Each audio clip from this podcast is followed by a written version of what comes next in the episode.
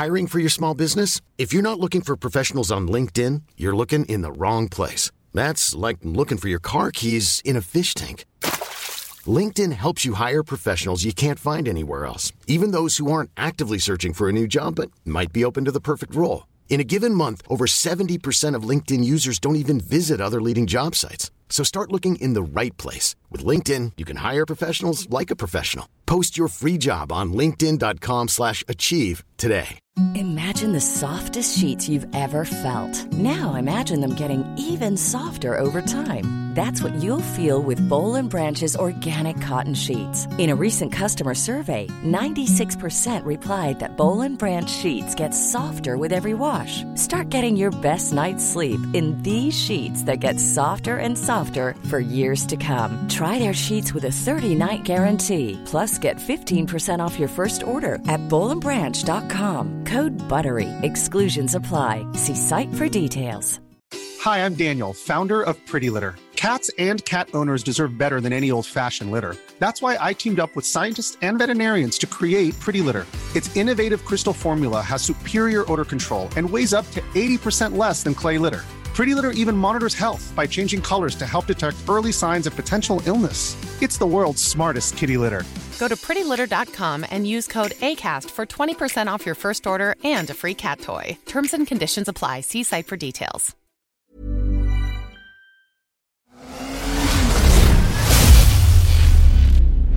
MC-podden. Du lyssnar på MC-podden. Jag heter Johan Ahlberg. Och jag heter Mikael Samuelsson.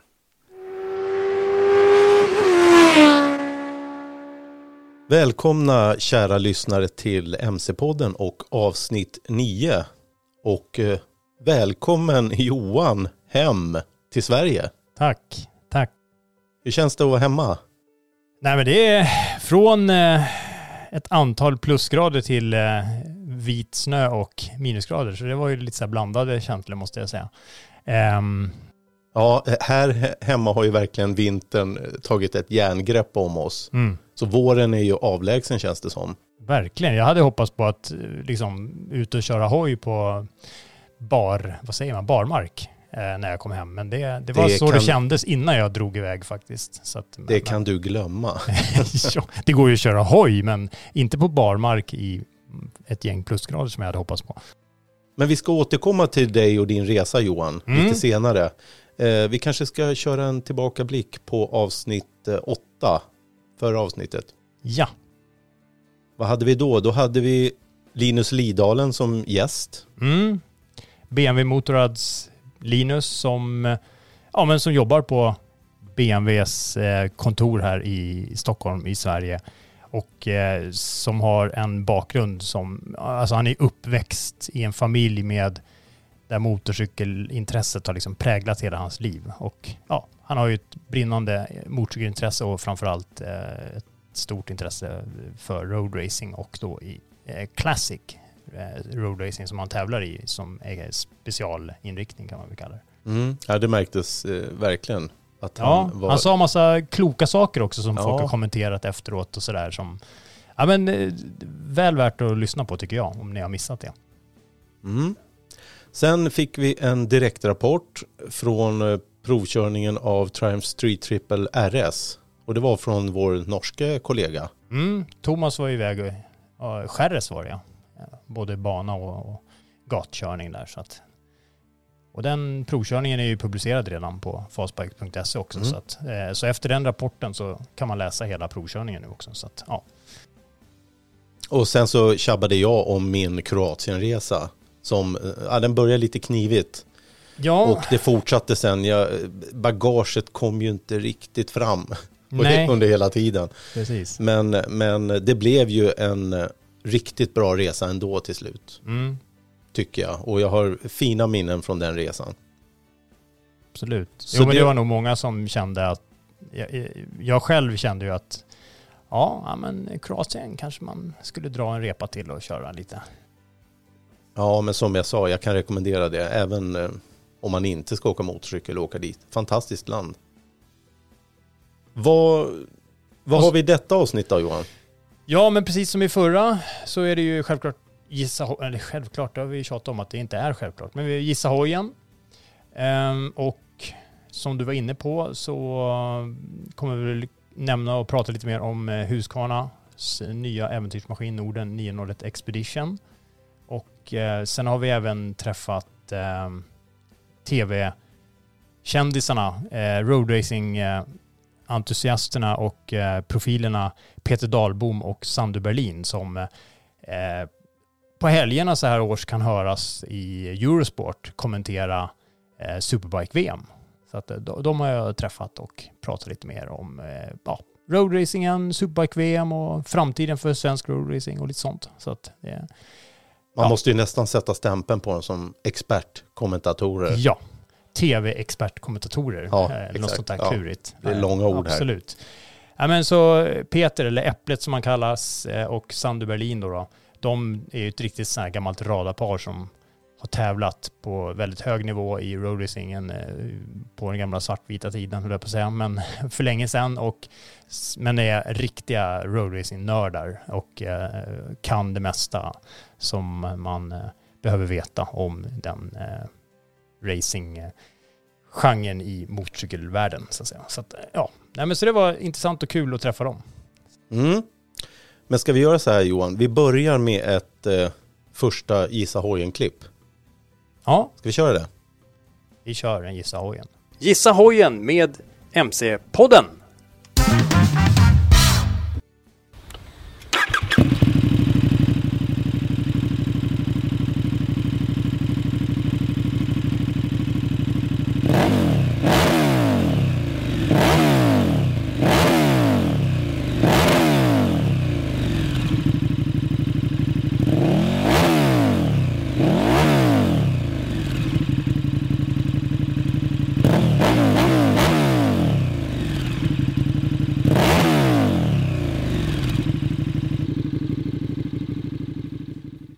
Ja, då var det första Gissa hojen-klippet klart. Eh, vi har ju två klipp till och i det tredje klippet avslöjar vi facit och efter andra klippet så ger vi lite ledtrådar. Mm. Så vi, vi stoppar väl där på första, eller vill du säga något Johan? Vill du kommentera? Nej, utan att... Mm, nej, utan man skulle ju kunna... Det är lite så här gränsland. Vissa motorer används ju i flera modeller av en och samma motorcykel. Eh, och eh, i det här fallet så handlar det eh, lite sådär enkelt beskrivet om den extremaste versionen av de modellerna som finns med den motorn skulle man väl kunna lite enkelt, ja. Ni kommer förstå lite längre fram, helt enkelt. Ja, det lät kryptiskt. Ja, det Ja. var kryptiskt. Okej Johan, som jag sa inledningsvis, välkommen hem. Du har ju varit i Sydafrika. Kan, du, kan du tala om för lyssnarna vad som är så speciellt med Sydafrika? Var det första gången du var där? Nej, jag har Nej. varit där ett antal gånger. Okej. Och ehm, nej, jag gillar verkligen Sydafrika. Det är, jag ska inte säga att det är, det, ehm, men, men ehm, ett väldigt speciellt land eh, på många sätt och vis med en väldigt, ja, vi kan kalla det tragisk historik, eh, men eh, som, eh, det är ju väldigt synd, för det är ett fantastiskt vackert land med eh, landskap som är som gjort för att köra motorcykel i. Det är, det är ju liksom, det är ganska öppet landskap men ändå kuperat och ni vet sådär när man kör på vägar som är, där det inte är massa skog överallt utan man, det går upp och ner för och vänster och höger och det bara avlöser varandra, ena kurvan efter den andra. Eh, så är det inte massa träd och grejer som skymmer utan det är ganska öppet sådär. Så, att, Ehm, så det, det är väldigt så här trivsamt. Och det, nu pratar jag både vad gäller asfaltskörning och eh, offroadkörning som vi höll på och eh, ägnar oss åt största delen av körningen. Då. Eh, men tyvärr så lyckades vi ju pricka för första gången någonsin då jag är där, eller var där som det inte var kanonväder utan det var eh, första dagen utav provkörningen här så var det ju jag ska inte säga skitväder men, men det var, det var Monsunregn eller? Nej. Nej, men det var... ehm, vi inledde med att köra upp i bergen eh, och ehm, skulle göra en fotosession där man då kör fram och tillbaks, fram och tillbaks genom lite kurvpartier där det står ett antal film och filmfotografer och sådär. Och eh, det där drog ut på tiden för det var en ganska vältrafikerad väg också de hade lyckats hitta. Så, och de ville ju inte ha med massa andra fordon då. Det var eh, långtradare fullproppade med äppel, eh, äppellast eh, till bilar som låg bakom i långa karavaner och ja, det var liksom så här. Och så spöregnar Och så var det inte jättevarmt. Så att jag kan säga att um, jag inledde dagen med att köra med full handtagsvärme och även ganska, om det var medium eller max, eh, värme i sadeln på hojen. Och jag är alltså längst söderut i Sydafrika. Nu känns det genast lite bättre när du berättar sådana här saker. För vi har ju frusit här hemma och, ja. och pulsa i snö. Ja. Men det var ingen synd om mig. Vi Nej. hade jättekul. Allt gick jättebra. Alla höll sig på hjulen. Mestadels av tiden i alla fall. Det var inga allvarliga incidenter. Det brukar tyvärr bli det ibland när man redan är ute på provkörningar och sånt. Att det händer saker. Och i synnerhet när det är lite nytt för många Eh, som för oss ifrån Europa då, där det plötsligt ska köras på vänster sida. Och, ja, och så är man ute och har jäkligt roligt på små grusvägar och annat. Och så Richard kör man ute på asfalten eller även när man är ute på ganska stora grusvägar. Alltså många av de eh, större vägarna i Sydafrika är ofta med någon slags sandigt grusunderlag. Ehm, så um, man kan köra, vi pratar motorvägstempo på grusunderlag. Eh, och Coolt. att då har du lite, kanske har lite roligt. Du kanske kör lite på sladd, du kanske rent av kör lite på bakhjulet, vad vet jag. Och sen så, ja, sent om sidor så får du något möte vid något tillfälle där du inte har tänkt att du ska få ett möte och så kanske du väjer eller någonting och då gör du det på instinkt och då kanske man väjer åt höger fast man egentligen borde väja åt vänster och så blir det inget bra. Men eh, det var inget sånt. så det, jag vet inte varför jag tog upp det, men det, det gick bra med allting. Så det var jättekul. Och du, eh, det var bra anordnat sa du? Väldigt fint anordnat. Och du skickar ju en massa äckliga bilder och, och retas och sådär. Det var väl någon, det var lite övernattning i, i tält och sådär? Mm. Det var väldigt, vad säger man, glamping. Glamping. Okay. De, det var liksom, eh, det var väldigt välordnat. Men det var ändå det var djurspillning utanför tältet när man kom ut på morgonen och sådär. Jag tror det fall. Är du säker på att det var djurspillning Johan? ja. Vad serverades på kvällen? Nej, men eh, det, det, var, det var liksom eh, zebror och eh, strutsar och det var någon slags eh, springbock, jag vet inte vad det betyder riktigt. Alltså nå, vad säger man? Eh, ja, det heter så. Okay. Vi käkade den med ja. springbock pie, som är typ en av de vanligaste, jag ska inte säga nationalrätt, för det vågar jag inte säga att det är, men det, det är en väldigt populär, populär. Okay. rätt i Sydafrika. Springbock pie. Någon slags antilop, något sånt, med horn på huvudet. Ja. Eh, det är inte mitt, mitt, mitt eh, specialområde, det där med djur och grejer. Nej, vi kan ja. ana det. ja. ja. Men vad kul. Ja. Men du, hörru, eh, eh hojen då? Mm. Husqvarna 901 Norden Expedition. Vad har du att säga om den? Ja, Norden 901 Expedition från Husqvarna. Det är en äventyrsmaskin. Vi var ju iväg och körde själva den standardmodellen då som heter Norden 901 förra året. Och så nu kom en uppgradering av den modellen som är baserad på standardmodellen men som är, är, har fått massa godis då, då, som gör att den är 100% redo för att dra iväg på den där jorden runt-resan. Eller bara runt kvarteret och köpa mjukglass. Kan du, kan du dra några exempel? Ja, vad, vad är liksom om man säger så här, hårdvarumässigt så är det väl fjädringen framför allt.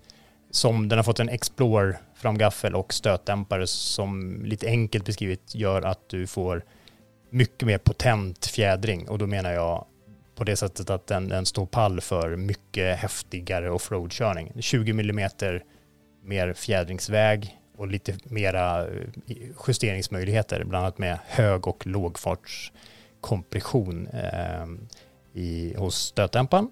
Eh, och sen eh, har vi ju lite högre sadelhöjd.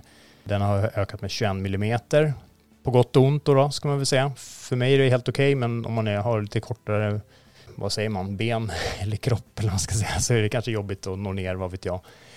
Och markfrigången har ju samtidigt ökat eh, från 252 till 270 millimeter. Men i alla fall, i, det här är ju en, en riktig äventyrsmaskin. Och förutom då fjädringen så har den ju fått en, vi börjar längst fram, så har den ju fått ett nytt kåpglas, ett Touring-kåpglas. Låter ju lite tråkigt, men det, det, är det inte, utan det är bara lite högre och så har den fått, precis som KTM 890 Adventure som jag provkörde lite tidigare år, har fått samma typ av kåpglas.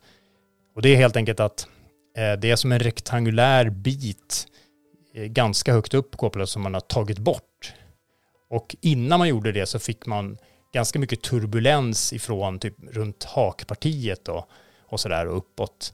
Men så, då kom någon eh, på lilla snilleblixten att ja, men vi tar bort lite kåpglas istället.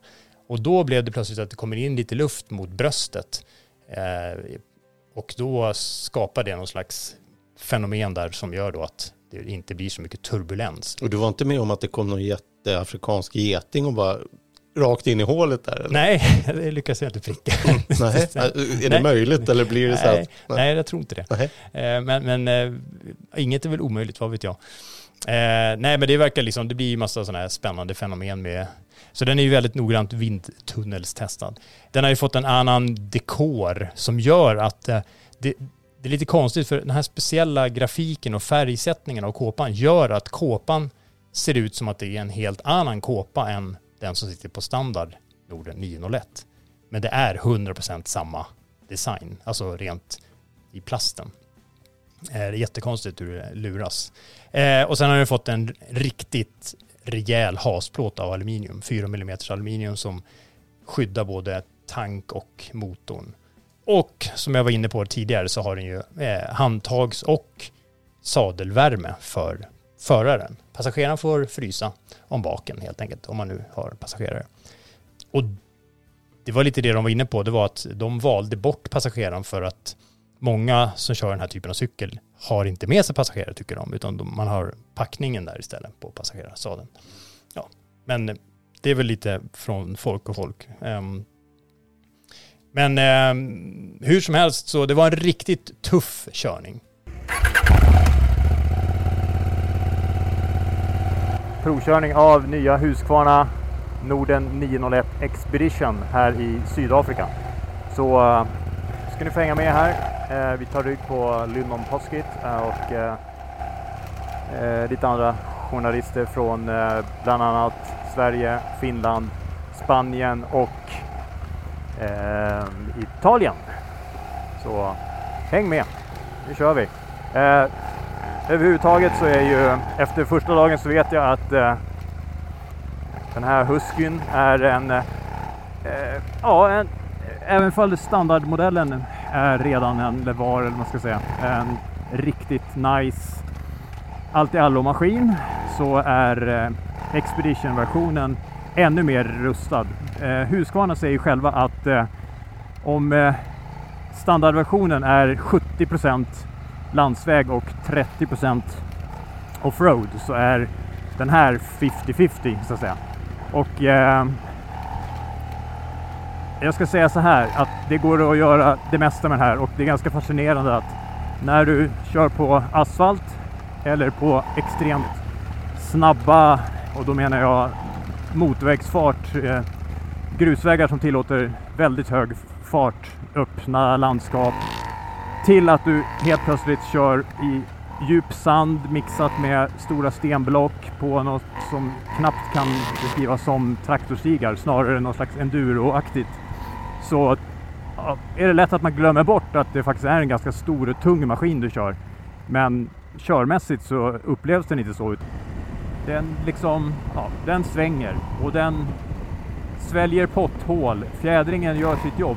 Den är både stabil och eh, förtroendeingivande. Den, eh, Eh, den är väldigt eh, tillåtande, förlåtande kan man väl också kalla det. Att när du, jag ska inte säga att man gör misstag, men du blir eh, överraskad plötsligt i väldigt hög fart på något, av något potthål eller liknande där du kanske rent av instinktivt känner att det här kommer inte gå något bra. Och så ja, tar sig, det sväljer bara fjädringen, hanterar väldigt bra.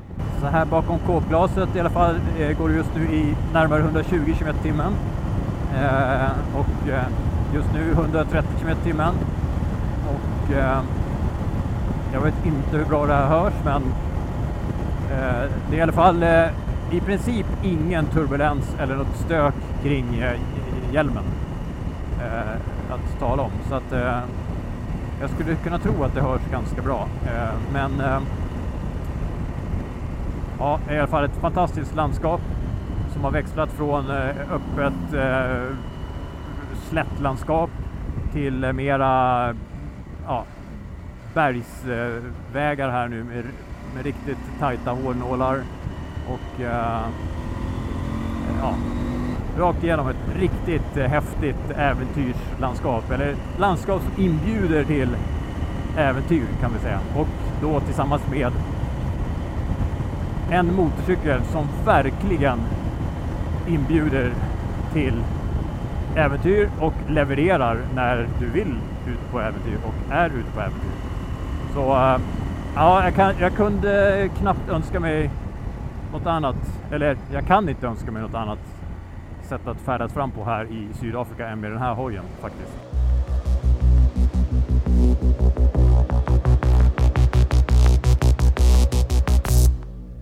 Eh, det var, som jag sa, vi inledde ju på asfalten men sen drog vi ut i i obygden så att säga. Och det var varvat mellan riktigt snabba, stora grusvägar eh, till där som sagt man, man låg och marschade liksom i en bit över 100 km timmen liksom. Det var en standard.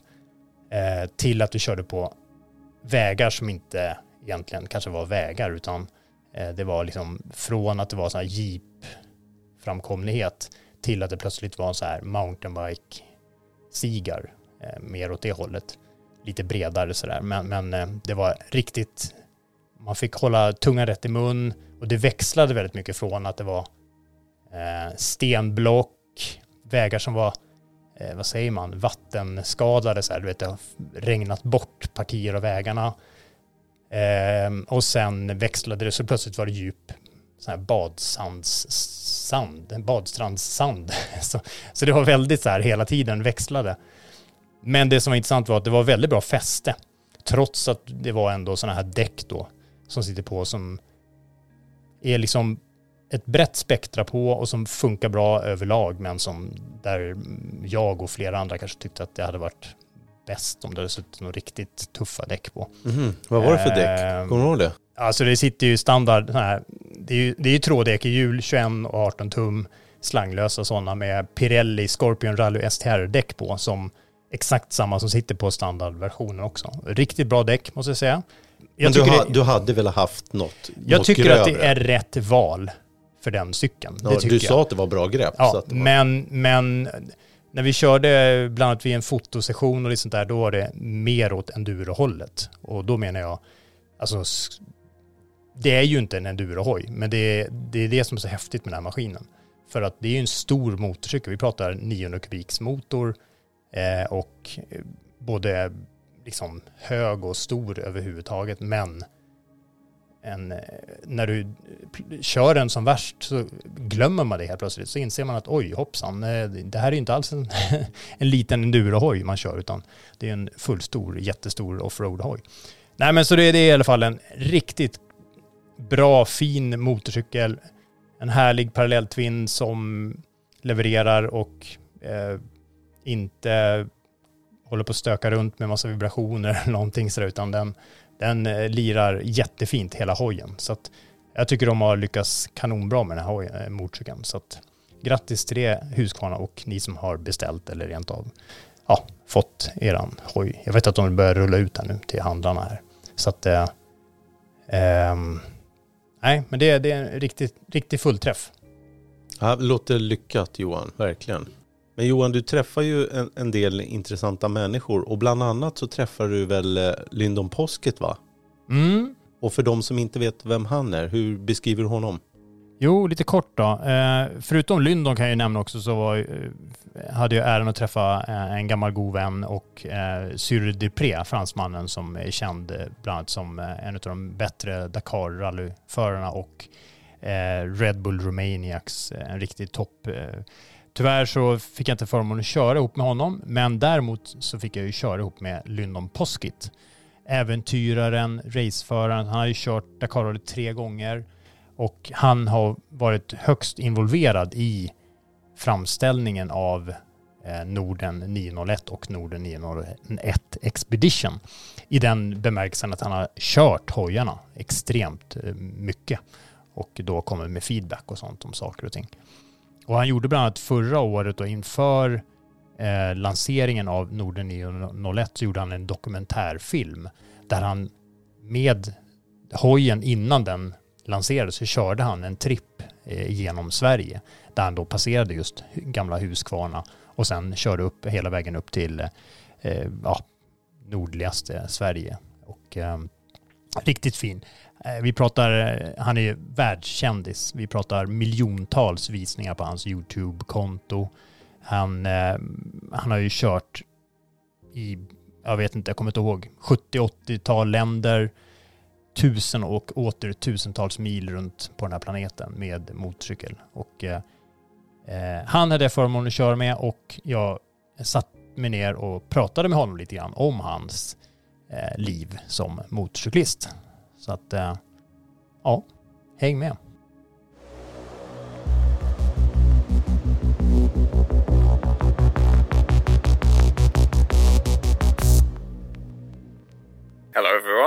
Name's Lyndon Poskett, and I'm from the UK. Um, an adventure rider and a racer, world traveller. Been riding motorcycles since I was 10 years old. I'm now 44 years old. Uh, raced the Dakar three times. Spent five years travelling around the world solo on a motorcycle. Uh, ridden lots of races and just love adventure on a motorcycle. Sounds good to me. Uh, I mean, Lyndon, how, how, did it all start? What, what is your real first motorcycle memory? My first motorcycle memory was my father um, rebuilt me a TY 175 Yamaha uh, when I was 10 years old, so that will have been 1988. And uh, my parents obviously my parents couldn't afford a new one, so my dad lovingly restored one, and I got it for Christmas, Christmas and birthday combined present when I was ten years old. So that was my first step into motorcycling. But what what was it that like caught you? What what what has been like since then? Maybe the thing about bikes. What is it that is making it so special? Yeah, well, the thing uh, when I was growing up with motorcycles, my father used to go to competitions with me, so it was cool to be doing something with my father, um, and I enjoyed it. I enjoyed riding the motorcycles, but I think the real um, sort of adventurous side of me came probably in well i started traveling on road motorcycles first as well as competing off-road um, but i think the real sort of uh, dipping my toe into adventure motorcycling was in uh, 2005, um, so almost 20 years ago, uh, when I bought my first adventure boat motorcycle, which was a KTM 950 Adventure. And I was living in the US at the time, and I traveled all over the US, Mexico. I mean, just I just went everywhere. Every time I had off work, I was traveling on a motorcycle, and I loved it. But you you you did even at that time, because I know that during all the years, you mostly of the time you have been alone. Sometimes you had a friend with you, but most of the time alone. Uh, why that?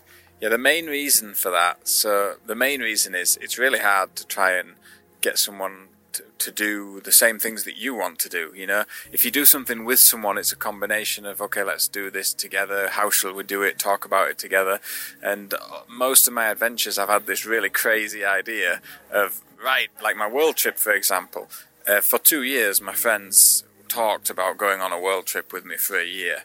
And when it came down to it, and I said, right, this, is it, I'm going, I'm going to do it next year sometime, it was like, oh, well, we've just got a dog and we can't do it now, and oh, my wife's pregnant. And, and it just came to the point where I just decided, I can't wait for anyone else, I must go and do it. But actually, doing it solo brought a lot of um, experiences that I didn't ever imagine. So it was very powerful doing it solo because I I stayed at people's houses, I slept on floors in people's living rooms, and I genuinely feel like if there was more than one of you, that would be less possible. So, um, and I also like, I, I think I deep down like the challenge of not knowing what was going to happen each day and that I was in control of it. I couldn't just turn to a friend and say, What shall we do? From then, that time when you first started uh, until uh, now, you have been traveling like how many countries and how many kilometers? Do you know? Yeah, well, for, I mean, my world trip was 74 countries and five years and two months and 256,000 kilometers.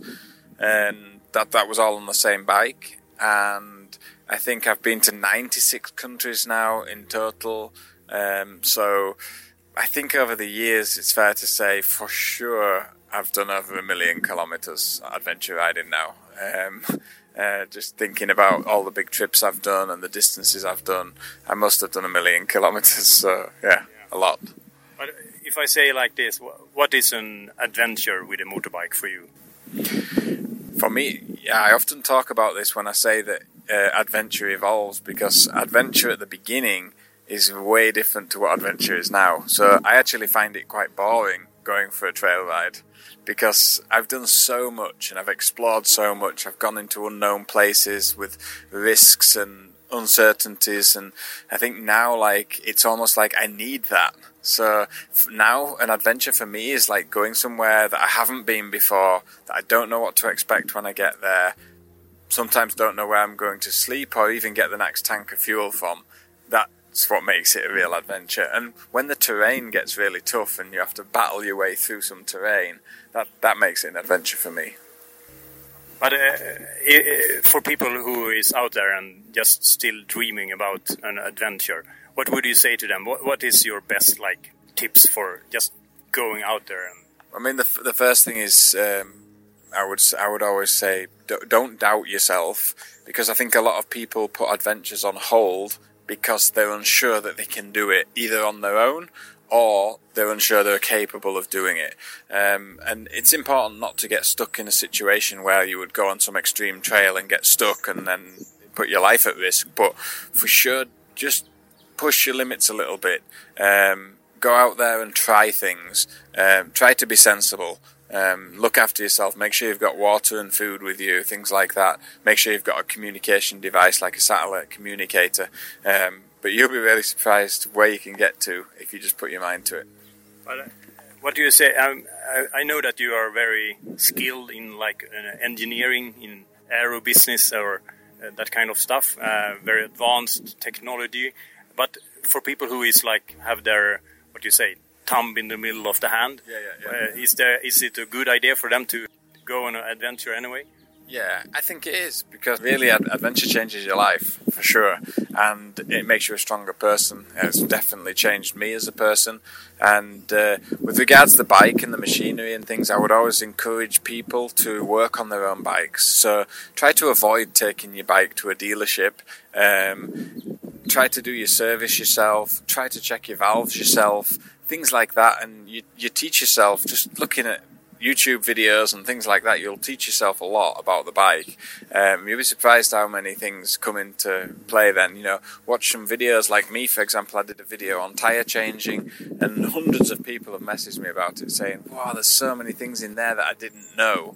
It's all the little details that make it worthwhile. Like you don't need anything longer than a six-inch tire lever and everyone goes with these big tire levers, you know, things like that. It's just that techniques and things to make your life easier.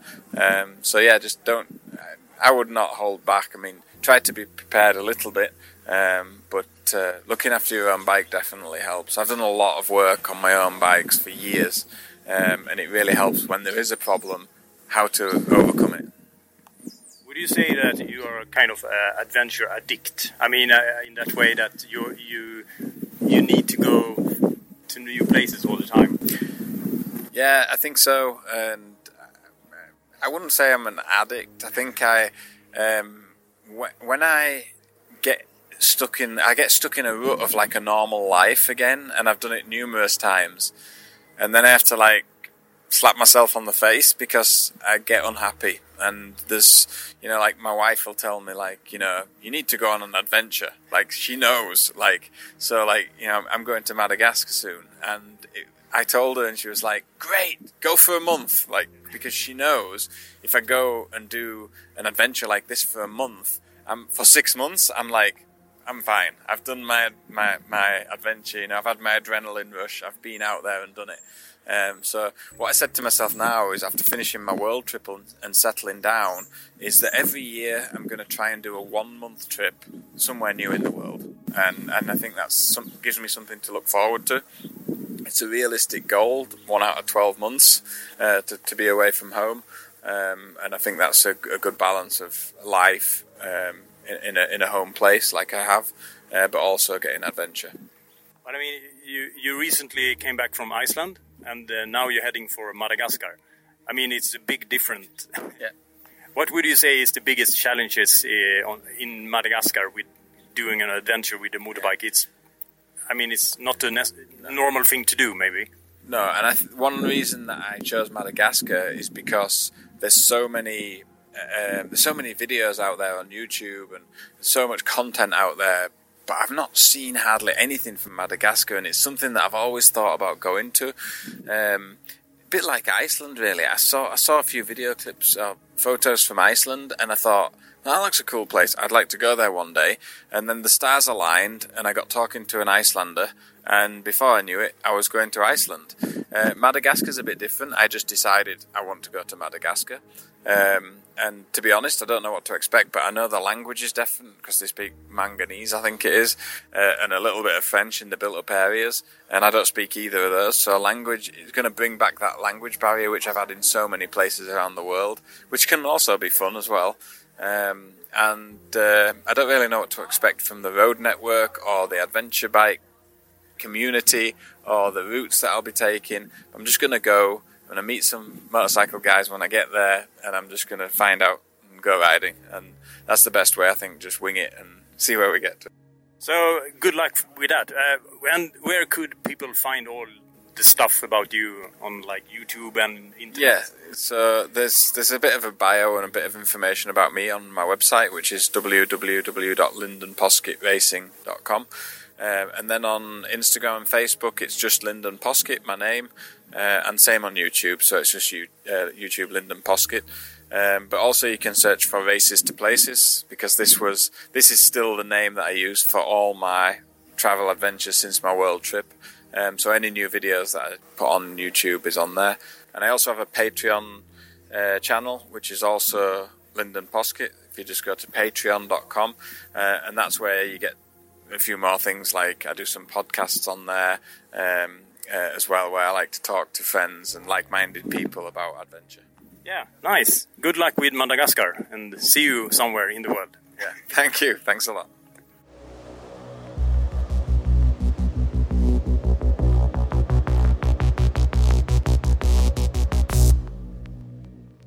Och där Johan hörde vi vad Lyndon Poskett hade att säga. Och vill man då eh, se den där dokumentären så är det väl bara att söka på YouTube och då skriver man in hans namn.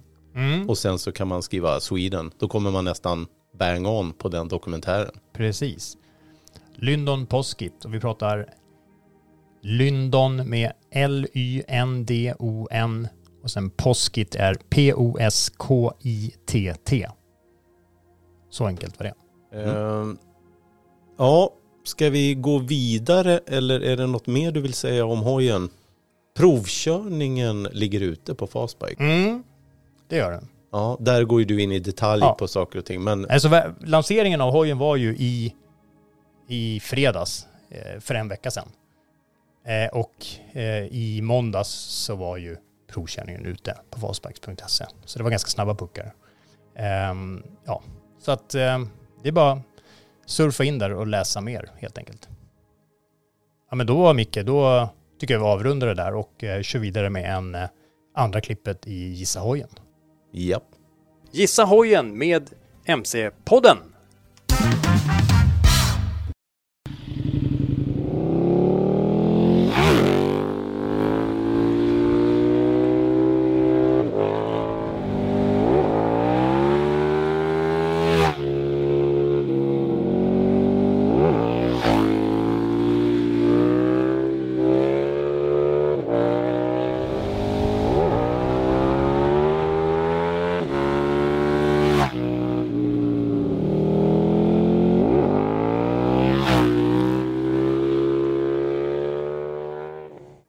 Micke? Tror att de blev något klokare? Jag Andra hoppas det. klippet. Jag hoppas det. Nu fick man ju en andra chans att, att lyssna. Eh, vad kan du säga då Johan? Har vi några ledtrådar att ge här nu efter andra klippet? Ja, vi kan väl säga så här. Det handlar om en... Jag skulle kunna generalisera och säga att det beror ju självklart på hur man kör den. Men eh, det är en motorcykel som inbjuder till så kallad buskörning. För att inte säga huligankörning. En naken modell som eh, erbjuder rejält med prestanda. Och eh, ja. Så att eh, det, det, ja, det är väl det jag tänker bjuda på så här långt. Är det så? Ja, vi får nöja oss där. Eller lyssnarna får nöja sig där. Mm. Mm. Men då så Johan, är det inte dags att släppa in våra herrarna expertkommentatorerna? Ja, nej, men vi släpper in Peter och Sandu här helt enkelt.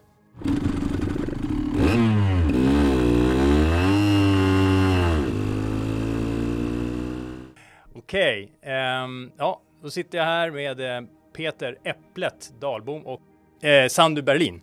Eh, roadracing-fantaster och expertkommentatorer inom roadracing som under många år har hörts kommentera bland annat Superbike-VM på TV.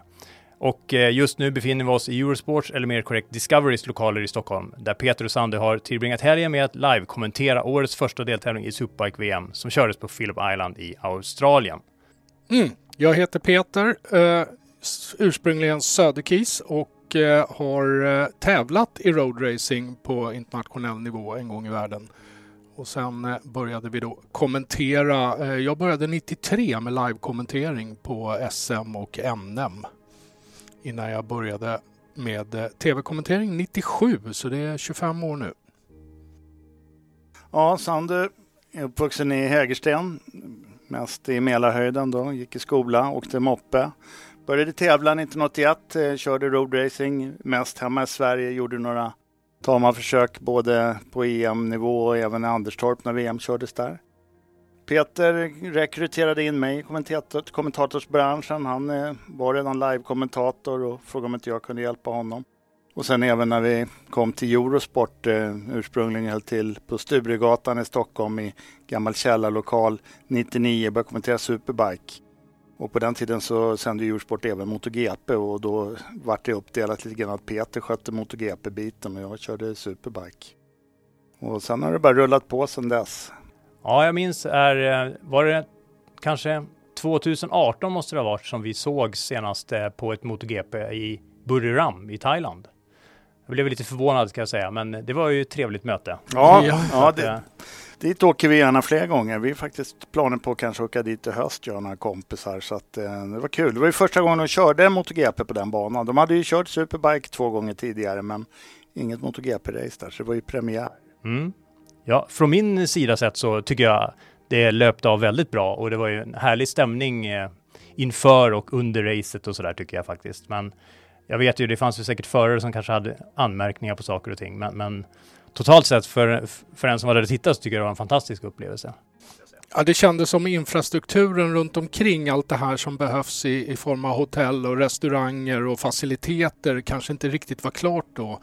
Nej, standarden kanske inte riktigt i den regionen av Thailand är vad man tänker om man jämför mot man åker på, eh, vad vet jag, någon bana i Portugal eller i Spanien eller något annat land här i Europa. Jag tycker inte vi ska klaga. Vi Nej. bodde i och för sig 45 minuter därifrån, men vi hade ju någon sån här love resort med himmelsängar och pool utanför dörren och så vidare. lagun utanför rummet med balkong och grejer. Ja. Ja, jag förstår. Ni delade bröllopssviten. Nej, vi hade varsitt, tack och lov, ska jag säga. och, eh, men jag tänker så här då. Eh, hur började allt egentligen? Jag tänker då framförallt på motorcykelresan i stort. Nej, för min del var det ju att man åkte moped, så moppegäng och ja, då började man ju fila lite grann på de där grejerna som skulle gå fortare och sen så växte man ur mopeden och köpte motorcykel, åkte mycket inne på Sveavägen. Träffade man ju andra roadracingkillar som var inne och körde där. Stefan Peje var ju hjälte, Peter Sköld kunde man ju skymta där inne ibland. Och sen blev det ju naturligt att man hängde med på race och mecka och skruva och sen ville man ta licens själv. Och sen så höll vi mycket i de här förarutbildningarna när man varit lite mer etablerad och för, för nykomlingar som skulle ta licens i Västra Motorklubbens regi. Och där han fick lura vi med Peter till slut så att han tog licens också. Var det 84 du kom eller? Ja, det stämmer bra. Jag började... Eh, jag har mer haft ett skruvarintresse. Så att jag, jag, jag, mitt eh, motorintresse började väldigt tidigt och jag Eh, Eh, eh, köpte fyra lådor skrot någon gång i 10-12 års åldern eh, eh, på nåder och det tog väl två dagar att sätta ihop en moped av det där eller något sånt där. Och sen eh, behövde jag någonstans att skruva i stan så jag gick med i klubben då eh, som hette Eken som Sandy var med i och byggde en motorcykel en vinter. Och sen eh, blev jag medlurad att ta licens. Men, men eh, har vi något minne av första racet? Mm, mitt första race var att jag åkte ner till Karlskoga SM 1980 och åkte på Honda 500 och hängde då i depån med mina kompisar. Det var Jocke Bäcker och Micke Melander och Hasse Gustafsson. De hade börjat köra debutantklassen och då var det så här att det här ska jag prova också. Och sen i lunchpausen då hade de eh, eh, eh, åkning bakom föråkare, så här, 20 kronor fyra varv. Så då var man ute med sin Honda 500 och morrade ur den så mycket det gick och körde igenom depåsvängen med fyra nedlägg för man kunde inte hålla linjen. Men man, man vart liksom taggad. Jag, jag vet inte hur det var för er när ni åkte bana första gången. Man vill mer. Ja, definitivt. Det är alltid roligt att köra på bana. Och... Problemet då, som jag refererat till många gånger, att för att få köra på en bana, det fanns ingen eh, trackday-verksamhet. Hade du inte licens, då kom du inte förbi den låsta grinden som ledde ut på asfalten. Och licenskurserna, de gick i april varje år och det här var maj när jag var på Gelleråsa. Så vi fick ju vänta som febriga hundvalpar till året efter innan vi kunde ta den här efterlängtade licensen och börja åka till banor. Där du var inte välkommen in på en bana om du inte hade licens. Mm. Och jag tog licensen där 84 då, precis som du säger, i slutet på april eh, på den cykeln som jag hade byggt under vintern som var en ren gatcykel. Det var en kaféracer. Den hade ingenting med bankörning att göra, passade inte in i någon klass. Men jag åkte mitt första race några veckor senare på Anderstorp med gatdäck kommer jag ihåg som, som bara blev ytvarma. Varma, så det var spännande och, och slutade nog med någon vurpa också för att jag tyckte att det måste gå att åka fortare. Struntar i att det släpper fram, men det kunde man inte. Men jag tänker, är det på banan? Jag tänker på eh, liksom hur, hur, eh, när ni får lite tid över från alla åtaganden. Eh, jag tänker på hur, hur ser en riktigt bra, kanske rent av den perfekta motorcykeldagen ut? Ja, det är ju inte jag rätt man att svara på. Jag har ju knappt åkt motorcykel sedan jag slutade tävla. Jag åkte ovanligt mycket motorcykel förra året faktiskt. Var bland annat på Gotland Ring med Peter och eh, Bikegänget. Men eh, på något vis har jag blivit mätt på att åka motorcykel. Någonting jag aldrig trodde skulle inträffa. För när man var knutte och, och när jag började tävla då hade jag inte råd att ha någon gatcykel längre. Men sen vart jag sponsrad och körde Starbike och Superbike. Då hade man en gathoj man kunde sätta på nummerskylten och sticka in och hänga inne på Sveavägen eller vad man nu vill åka, Slingerbulten och så vidare. Och då åkte man ju dygnet runt i gäng och hade kul. Liksom. Men idag, jag känner mig lite mätt faktiskt. Jag tycker också det har blivit ett helt annat klimat i trafiken att åka. Eh, jag har alltid hävdat att jag kan köra rätt bra på bana. Jag hittar runt, kör hyfsat fort. Där. Men i trafiken då är jag mest liksom, tycker alla är dårar och idioter och rädd ibland emellanåt. Liksom. Så att, eh, det blir inte så mycket motorcykel. Men det, det låter som att en, riktigt bra hojdag för dig är på banan? Liksom. Ja, det är det definitivt. Två, två dagar på Gotland Ring var fantastiskt här eh, i samband med Lelle-träffen. Så det, det, det hakar jag gärna på. Jag anmäler mig som frivillig instruktör Peter till nästa års evenemang. Tyvärr har de ställ, lagt ner Lelle-träffen igen. Vi får se om den kommer tillbaka, men ja. inte nästa år i alla fall. Men bandagar finns det väl andra tillfällen? Det finns andra ja. ja. Och, eh, och jag håller med. Ja. det är ju de dagarna som är bäst på motorcykel. Eh, och, och eh, jag har lite samma eh, historia. Jag hade faktiskt ingen gatcykel i, i nästan 25 år från ja, någon gång i början på 90-talet eh, efter att jag slutade tävla. Så att, eh, det har, jag har haft lite racrar och jag har åkt lite bandagar i princip varje år. Men, men eh, jag har lite svårt, jag kan inte tävla för att det är kul. Men nu, jag vet ju, jag menar du jobbar ju ändå i motorcykelsvängen på heltid. Mm. Jag menar vi har ju mötts på lite provkörningar där ute i vida världen. Så jag menar, du är inte rädd för att bli mätt. Det är Nej. många som säger, jag tänker på som Sander här nu, som kände sig att han blev mätt på det liksom. Att, men jag tänker på att du kände inte den rädslan när- när du klev in i och började jobba i tidningssvängen. Inte alls, men det beror ju också på att jag åker bara motorcykel när det är kul att åka motorcykel. Jag åker aldrig på semester, jag har, använder sällan motorcykeln som av praktiska skäl, utan jag tar motorcykeln när jag vill åka motorcykel. Ska jag bara åka till jobbet sätter jag mig hellre i bilen och, och vrider på kliman och eh, radion. Och eh, jag tänker ändå, hur, hur känns det då när ni sitter eh, en natt som denna? Vi har ju sett nu eh, två av eh, årets första race i Superbike-VM här nu då, direkt från Phillip Island i Australien. Jag tänker på, jag tänker, med tanke på er bakgrund inom racingen själva, sådär. Kan du beskriva liksom, hur, hur känns det när ni jag tänker själv, man är ju ofta, om man ser en, ett race eller vad vet jag, en fotbollsmatch, en hockeymatch, kanske man är bäst i världen när man sitter i soffan. Nej, men grejen är den att det här var ju en förlängning av, av i alla fall mitt eget tävlande. För när jag började jobba på Eurosport då hade jag ju kört race några år innan och eh, på något vis så är nu har det blivit lite rutin. Jag kan ju det här med tekniken och det är, det är lite information, kommer i headsetet om starttider och, och olika reklamavbrott. Men man, man hade lite som när man skulle starta ett race. Det, det kröp lite grann, eh, pirra i kroppen, det var lite nervöst. Och sen är ju, det är ju dramatiska race vi ser. Det är, jag brukar referera till, till bilracing när de kan liksom ligga på rad ett helt race, knappt köra om varandra. Här händer det ju saker. Det är ju kontakt även om det inte ska vara, ska vara det. Och, eh, jag älskar racingen. Det här är, det, det, det är som att tävla själv lite grann när man sitter där och kommenterar det här. Sen de här första racen på säsongen är alltid speciella för då har man följt eh, utvecklingen under vintern. Det är teambyten, det är personal som byter team, det är nya cyklar som kommer och ny teknik. Och sen har det varit lite försäsongstester som har gett indikationer på hur det kanske ska kunna gå när man väl börjar tävla. Och så får man då antingen bekräftat det man tror eller, eller eh, så, så händer det någonting överraskande. Eh, sen är vi jätteglada att Philip Island är tillbaka som premiärrace. Det har inte varit det under pandemin.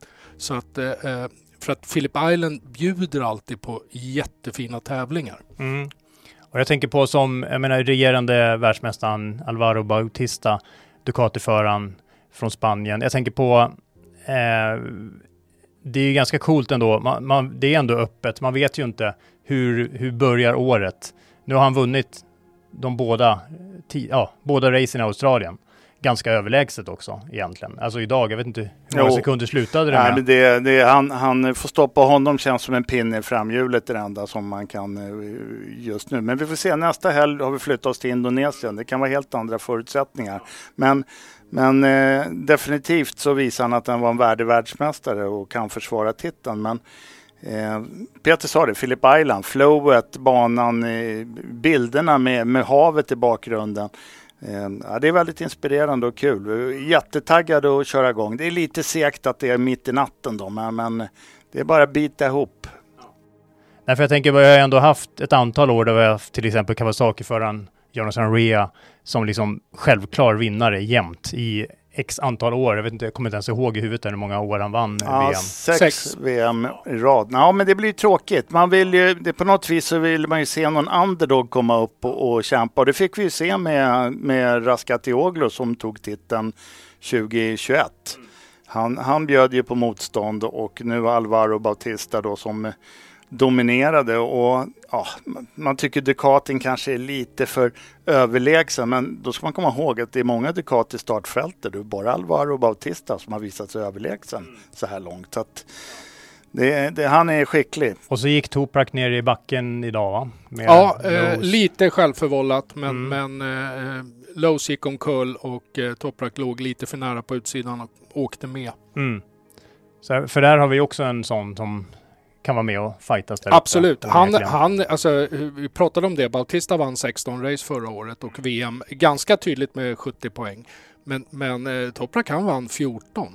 Så att han är inte långt efter. Och det är just sånt här som hände idag som han måste undvika. De här nollorna blir dyra över serien.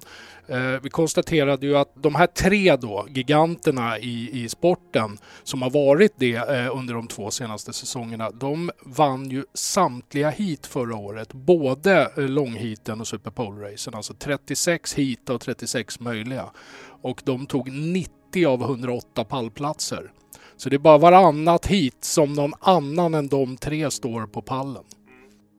Jag tänker så här lite, vad, vad tror ni själva om Superbike-VM alltså framöver? Jag tänker, det var ju på tapeten om inte jag minns fel, någonting med någon vikt, förare och hoj, någon minimumvikt som man inte fick understiga, som blev nedröstat. Och sen blev det nya hjälmregler till då, va? Ja. Eh, att de måste använda hjälmar som är FIM eh, godkända. Eller något det tror jag liknande. började redan förra året. Ja, det kanske är kanske inte var helt... Och så är det airbag eh, också, kom förra året eh, på samtliga klasser. Men jag tänker annars, så här, ser ni någonting som ni tycker vore en självklarhet i klassen? Eller tycker ni att det är bra som det är? Eller ser ni att det är på väg åt fel håll, ska vi säga? Nej, det enda jag tycker är väl kanske lite mycket bestraffningar. Det är ju racingincidenter. När vi ser någon köra omkull någon annan så är det ju inte med berått mod. Utan han har gjort ett misstag och gått i backen. Och så blir det lite så här bedömningssport av det hela och det har vi även sett i MotoGP.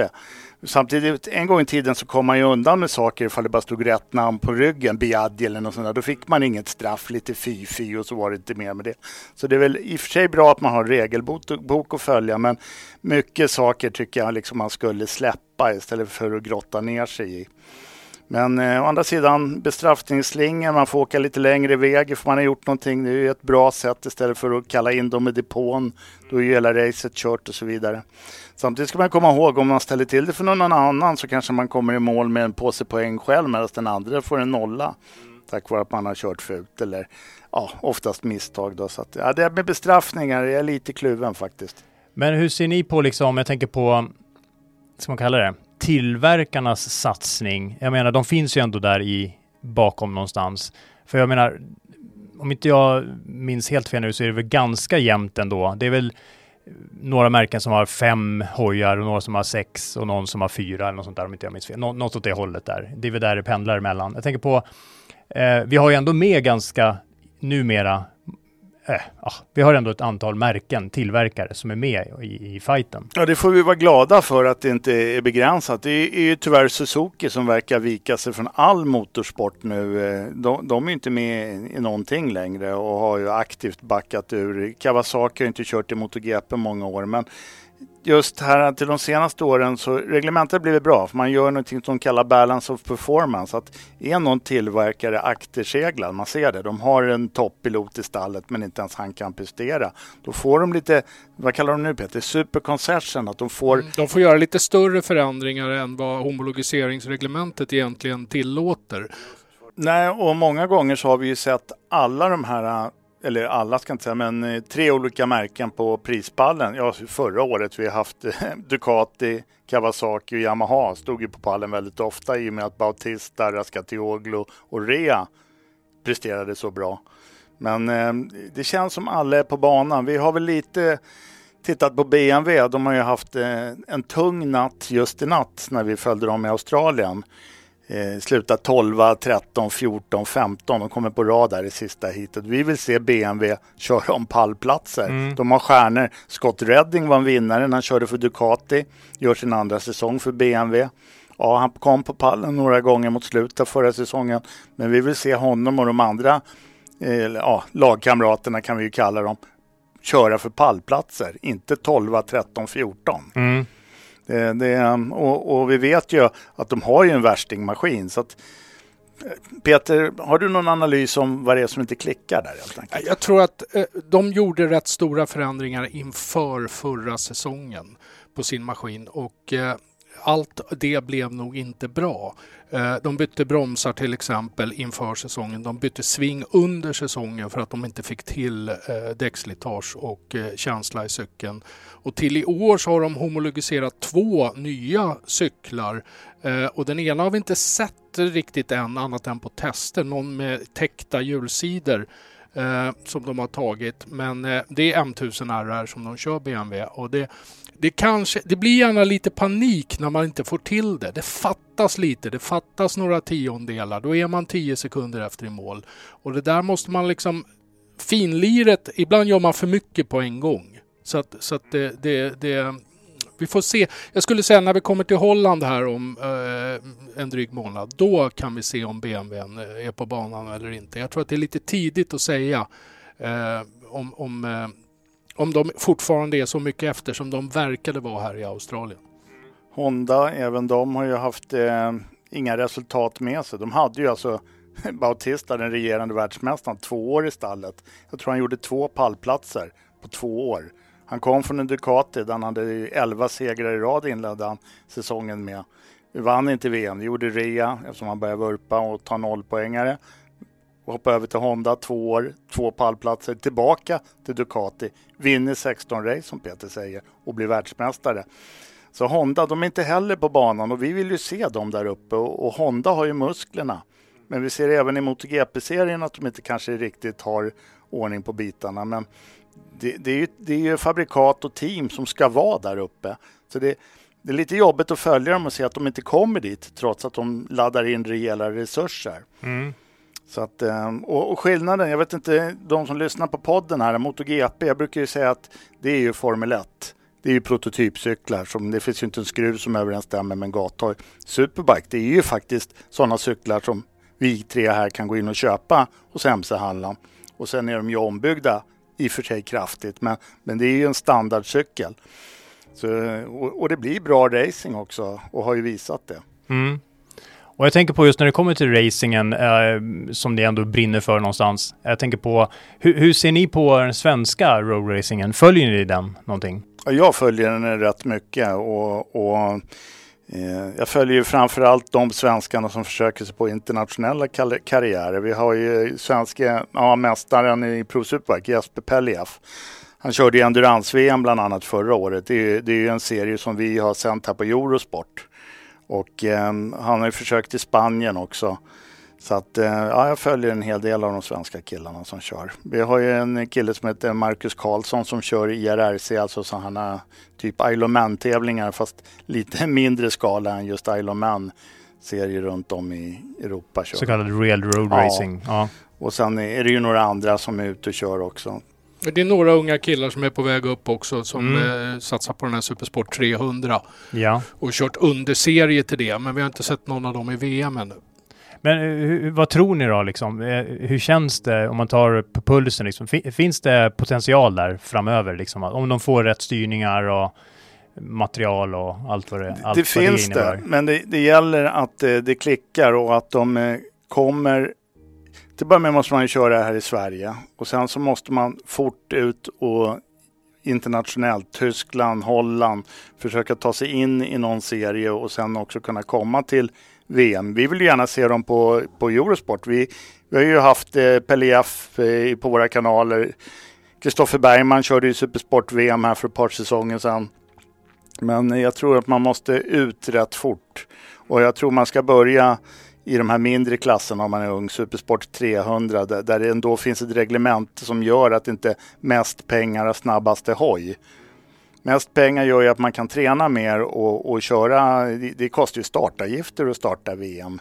Det, det är rätt dyrt att, att betala sig in för att bara hoppa in som ett wildcard. Men jag tror man måste försöka satsa på att först eh, vara med i täten här hemma och sen komma ut snabbt också.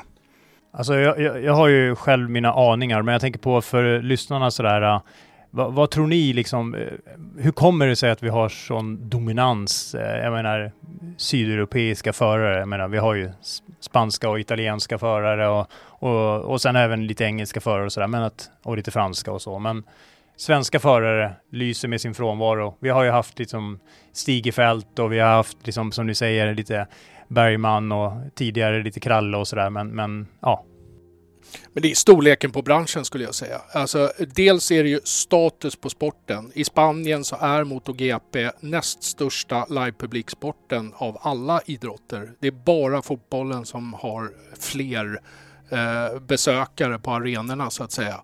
Eh, och eh, sen är det ju eh, eh länder där folk åker tvåhjuling, motorcykel, skoter i, i helt annan utsträckning än eh, vad vi har här i Sverige. Så att problemet för unga svenska förare det är framförallt att få tag på tillräckligt mycket sponsorer för att kunna åka utomlands. Det, det, det, jag ska inte säga att det är lätt, men att, att hitta pengar och eh, stöd för att åka här hemma är inte någon omöjlig uppgift. Utan det svåra är att få tag på tillräckligt mycket sponsorer för att åka eh, utomlands. Och eh, det beror ju också på att branschen här hemma är ganska liten och ganska ointresserad av att finansiera någon som ska åka någon annanstans. Och att det är svårt att hitta företag som är villiga att hjälpa till med det utanför. Mm. Så du tror inte det sitter i, i viljan och engagemanget hos förarna utan det är snarare, det, är, det låter ju eh, väldigt mycket som att det är pengarna som i första hand är bromsen. Pengarna och statusen på sporten skulle Mm. jag vilja säga. Eh, eh, eh, om man ska vara lite kritisk så att efter Eh, att eh, Scandinavian Open la ner och även då eh, motorcykeltävlingarna som gick ihop med eh, STCC så finns inte professionell racing för motorcyklar kvar i Sverige på roadracing-sidan. Eh, eh, ska man vara elak så kan man kalla det hobbyverksamhet. När utövarna betalar allting så, så är det ju hobbyverksamhet. När man inte har någon publik, man har ingen media och man har inga yttre sponsorer. Så vad, vad, vad skulle ni säga är, vad, vad behöver vi göra här hemma? Ja, Peter refererar ju till Pro Superbike som körde ihop med STCC, men de håller på att försöka väcka liv i det igen. De, kommer ju, de har ju kört förra året och de kommer ju köra två deltävlingar i år ihop med STCC och, och även ihop med SM. Och, och då blir det ju lite medialt. Eh, jag vet faktiskt inte vad man ska göra, men jag vill lyfta en kille som faktiskt gör mycket för svensk roadracing. Det är Henrik Norgren eh, nere i Södertälje. Han driver ju Norgren Racing med många unga talangföra för, förare som eh, han hjälper. De hyr in sig hos honom och får en rimlig peng så får de guidning och de får maskinmaterial som är konkurrenskraftigt och han eh, kämpar just- mest med unga killar och tjejer i Moto 3-klassen och, och hjälper dem. Och han, han gör ett jättejobb för svensk roadracing, Henrik Norgren. Jag tänker så här, om vi backar tillbaka då till internationell racing igen. Eh, och vem, om vi tittar lite i spåkulan. Vem vinner årets Superbike-VM och varför? Ja, eh, eh, i nuläget så måste man säga att Alvaro Bautista eh, vinner. Eh, han har eh, en bra motorcykel, det är en bra chaufför med gott självförtroende och eh, hans förutsättningar är ju bättre den här säsongen än de var förra säsongen när han vann. Och Eh, på konkurrent... sätt då? Förlåt. Ja, hans cykel är bättre. Den är inte starkare och snabbare, men de har gjort motorn mjukare säger de själva. Den är smidigare att köra, vilket måste sätta eh, skrämma slag på konkurrenterna. Eh, Kawasakin har eh, lite uppdateringar motormässigt som ska göra att de kommer ikapp lite grann. Yamaha har egentligen inga uppdateringar alls som har med prestandan att göra. Så att, eh, ja, fördel Bautista hela vägen skulle jag vilja säga. Ja, jag håller med Peter fullt ut och eh, eh, jag ser mig framför att mer supersportklassen där det är mer ovisst. Mhm. Förklara. Där kan vi inte tippa någon segrare. Där kan vem som helst vinna och framförallt den lilla klassen Supersport 300 som när vi kommer till Europa också kommer visa de här sändningarna som ja, du har följt i natt Johan. Så att, eh, men i Superbike är Bautista är ju favoriten tillsammans med Ria och Raskatioglu. Det är någon av dem. Någon kan ju bli skadad. Går en arm av på Bautista, han är borta en månad eller två, ja då kommer de andra segla iväg på poäng såklart. Så att det, det gäller att hålla sig skadefri och det är ju lite nackdelen med den här sporten att eh, förarna trots alla dessa airbagställ och så vidare, det är väldigt lätt att man bryter en arm. Vi såg en nyckelben och någon stackare slog in kotar i helgen. De kommer ju vara på sidlinjen här i alla fall till Europapremiären i Assen innan de är tillbaka. Om jag säger så här, in, innan, innan vi avrundar. Har ni något bra förslag, någonting som ni skulle vilja lyfta fram som har med roadracing att göra? Som ni tycker är en viktig fråga? Ja, I svensk roadracing skulle jag vilja se professionella team och det är några som har försökt det. Romanovski till exempel och, och eh, några till. Men, men, men alltså att eh, i Sverige står ju teamen och faller med den som kör i dem. Varje gång någon slutar då försvinner teamet och all kunskap och, och all logistik som de har liksom samlat på sig under eh, eh tiden som de har kört.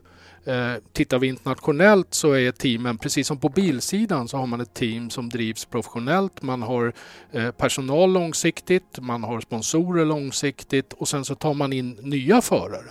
Eh, tyvärr på bilsidan får ju alla betala väldigt mycket pengar också. Eh, men, men eh, ändå att jag skulle vilja se eh, det i Sverige. Jag tror att det är svårt för att det inte är stort nog och det finns inte tillräckligt med pengar. Men, men vi hade en tendens till det när man drog igång det här med Pro Superbike.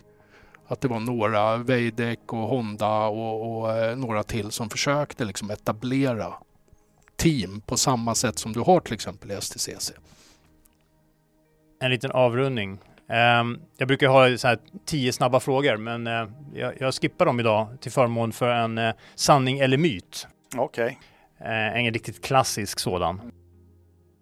Hur kommenterar vi det här? Sanning eller myt? Först in i böj väljer spår. Ja, det är ju svårt när man inte har ögon i nacken och släppa och öppna upp för någon som man inte ser det där. Så först in i kurvan väljer spår, ja. Och Peter då, vad säger du? Ja, det är ju en sanning. Det är en sanning. Ja. Ja, ja men eh, tack så mycket Sandu och Peter för att ni ville vara med i MC-podden. Mm, tack Johan för att du kom och hälsade på oss här på Discovery. Ja, det var väldigt trevligt.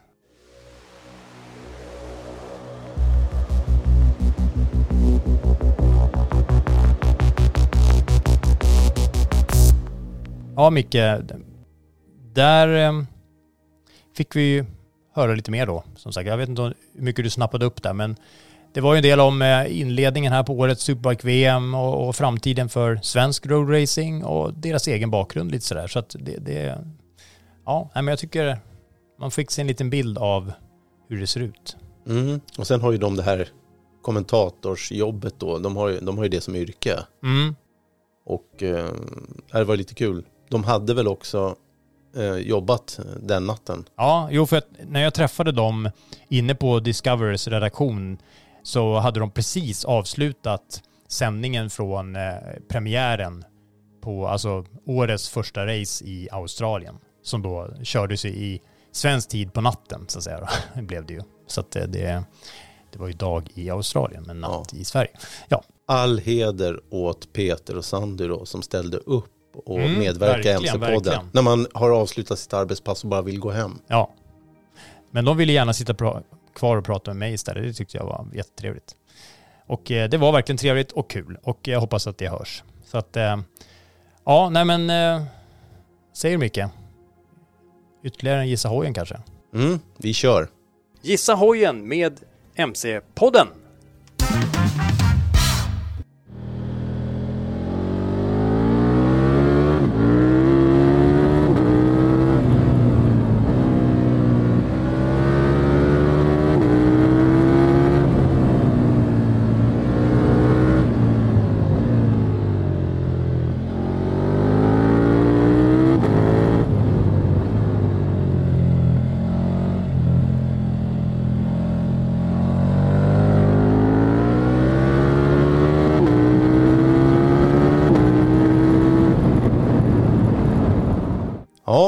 Här var tredje och sista klippet i det här avsnittet. Och nu ska vi avslöja facit Johan. Du har ju varit lite kryptisk här. finns det något mer du kan säga och vi drar ut på det lite? Så folk ja, kan gissa. Ja, men som jag var inne på lite. Eh, det man... Det är ju svårt att, att, se framför sig. Man hör ju bara. Så att det, det, det är ju liksom... Den här motorn eh, rent generellt används ju även i, i en annan variant än den jag tänker på. Eh, och eh, vi pratar ju om en eh, V-twin, en 75 graders V-twin. En, I det här fallet då snackar vi 1301 kubikcentimeter för att vara exakt. Och, eh, och du sa att det var gott om kraft. Ja, vi pratar alltså 180 hästar. hästkrafter och 144 newtonmeter vidmoment på topp. Och det här då i en maskin som redo för att dra iväg men eh, tomt i tanken eh, så pratar vi 189 kilo. Så vi är nästan nere på 1-1 förhållande.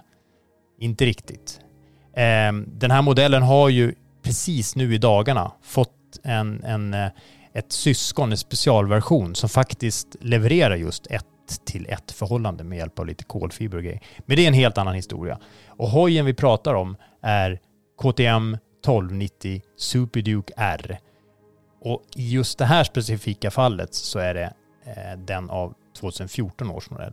Eh, ljudmässigt så går det väl knappt att skilja. Det är ju mera eh, hur mycket ull det finns kvar i ljuddämparna och sådär saker och lite sånt. Men, men ehm, ett av de coolaste namnen ändå. Superduke. Ja, och jag har ju kört alla de här varianterna sedan den kom och eh, när, alltså från att den första versionen då lanserades ju 2005 och så följdes den upp av den andra generationen två år senare. Och ytterligare två år senare, år 2008, så kom R-versionen av 990 Superduke. Och, eh, ja, 1290 Superduke R då som den kallas, det är ju den som KTM då menar är den fjärde generationen Superduke. Och eh, det här är ju en, en riktig jag vet att det kanske låter lite illa, men en riktig busmaskin. En naken, avklädd modell med rakt styre och eh, ja, det är som att man åker omkring bara med en motor och två hjul. Liksom. Det, alltså det, det, det är så roligt. Och får man som jag fick, eh, min första bekantskap med den här, som jag säger, brutala nakenmodellen, det var på jag säger, jag använder massa speciella uttryck här nu, men ultraläckra Ascari-banan i södra Spanien. Och den här banan i sig, eh, den påminner ju om någon slags lyxig golfbana. Och jag vet att nu kommer väl vissa gå i taket här, men jag önskar ju kanske ibland att alla golfbanor istället var motorbanor. Eh, men det är ju en helt annan historia. Och eh, så att där fick jag bekanta mig med den här hojen och eh, jag har nog sällan under en provkörning sett så mycket bak och höll på att säga framhjulsåkningar som på den, på den provkörningen. Men det är alltså, det, det är riktigt, ja hornen växer ju ut riktigt långt när man kör på den om man inte passar sig. Det är ju liksom rakt igenom, det är toppfjädring och ah, jag skulle ju kunna nämna en anekdot här från när första versionen 990, vi skulle köra den, då, då blev vi inbjudna Eh, till eh, Salzburg Ring i Österrike. Och eh, vi indelades i tvåmanna journalistlag. Och sen skulle vi köra ett Media Trophy Race på den här banan. Och eh, tänkte vi direkt innan, det här är ju riktigt illa. Det här kan aldrig sluta bra. Eh, och det gjorde det inte heller. Men det Men vänta lite, du menar alltså, ni skulle köra parvis? Ja tävla mot varandra i de här lagen? Ja, vi var Skulle ni skifta? skifta? Alltså, ja, ni precis. Det var journalister från hela världen. Och eh, jag kommer inte ihåg 100% upplägget. Det var Le Mans start, vilket betyder att hojarna stod snyggt och prydligt på en, en uppradade bredvid varann på ena sidan om racebanan och vi andra stod på andra sidan och så fick man springa över från, låt säga, höger till vänster sida när startskottet gick hoppa ombord på sin hoj och dra iväg. Och, eh, och vem var din kollega den här gången då? Eh, jag minns faktiskt inte vad han hette, men det var i alla fall en supersport, eh, duktig liten italienare. Eh, han var, hans specialitet var, han tävlade i supersport. Och eh, jag minns i alla fall att det var en riktig fight mellan oss och framförallt Lars Bosson från, som representerade Bike. Och han i sin tur tävlade ihop med någon eh, japansk eh, GP500 eh, legend kan vi kalla honom. Eh, och ja, det, alltså det, blev, det, var, det var krascher och det var brutna, jag kommer inte ihåg, sprickor i fötter och det var allt möjligt som, eh, ja. Det var ett riktigt galet race. Eh, och eh, det var prestige framför allt. Men vi hade ju oerhört roligt. Men eh, jag har nog aldrig trott att jag ska dö så många gånger som, som under det racet. Men det var, det är en riktigt farlig, galen bana där vi pratar avåkningszoner är istället betongväggar, betongmurar istället för... Eh, Aha, det låter ja. ju trevligt. Ja. Så Hur slutade det då? Ja, men det, jag kommer inte var ihåg. Var det prisutdelning? Jo, men det var det. Eh, Nej men det gick ganska bra, men jag kom faktiskt inte ihåg exakt om det blev en tredje plats eller vad det blev sådär. Men, men Ja, det, du, det, du menar, du kommer inte ihåg, men du, det var en pallplats i alla fall. Jo, men det var det väl om inte jag minns helt fel här nu. Så att. Nej, men det var riktigt kul, eh, men eh, jag hoppas aldrig att någon gör något liknande igen, för det, det, det, det kan sluta hur som helst.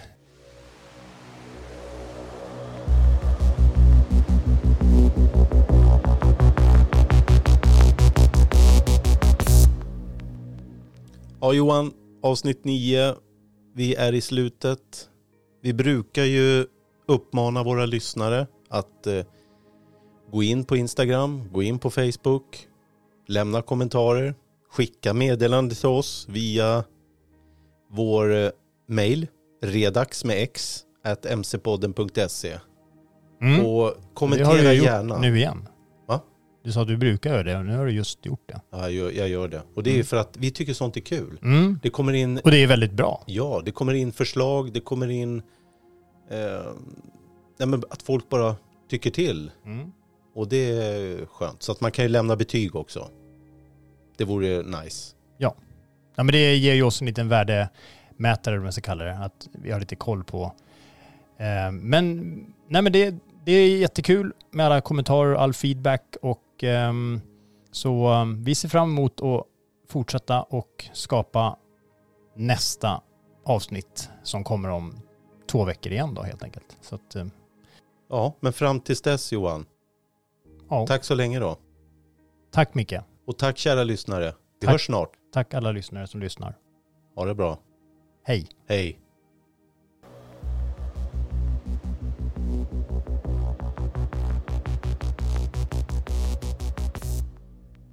Du har lyssnat på MC-podden.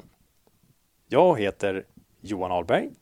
Och jag heter Mikael Samuelsson.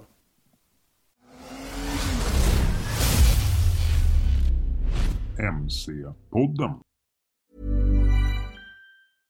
Imagine the softest sheets you've ever felt. Now imagine them getting even softer over time. That's what you'll feel with Bowl and Branch's organic cotton sheets. In a recent customer survey, 96% replied that Bowl and Branch sheets get softer with every wash. Start getting your best night's sleep in these sheets that get softer and softer for years to come. Try their sheets with a 30-night guarantee. Plus, get 15% off your first order at bowlandbranch.com. Code BUTTERY. Exclusions apply. See site for details.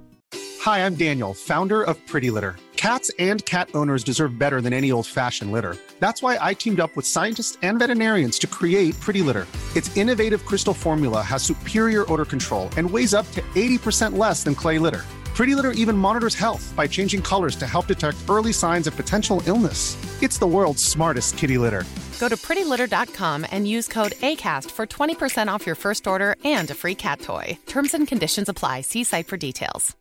Imagine the softest sheets you've ever felt. Now imagine them getting even softer over time. That's what you'll feel with Bowl and Branch's organic cotton sheets. In a recent customer survey, 96% replied that Bowl and Branch sheets get softer with every wash. Start getting your best night's sleep in these sheets that get softer and softer for years to come. Try their sheets with a 30-night guarantee. Plus, get 15% off your first order at bowlandbranch.com. Code BUTTERY. Exclusions apply. See site for details.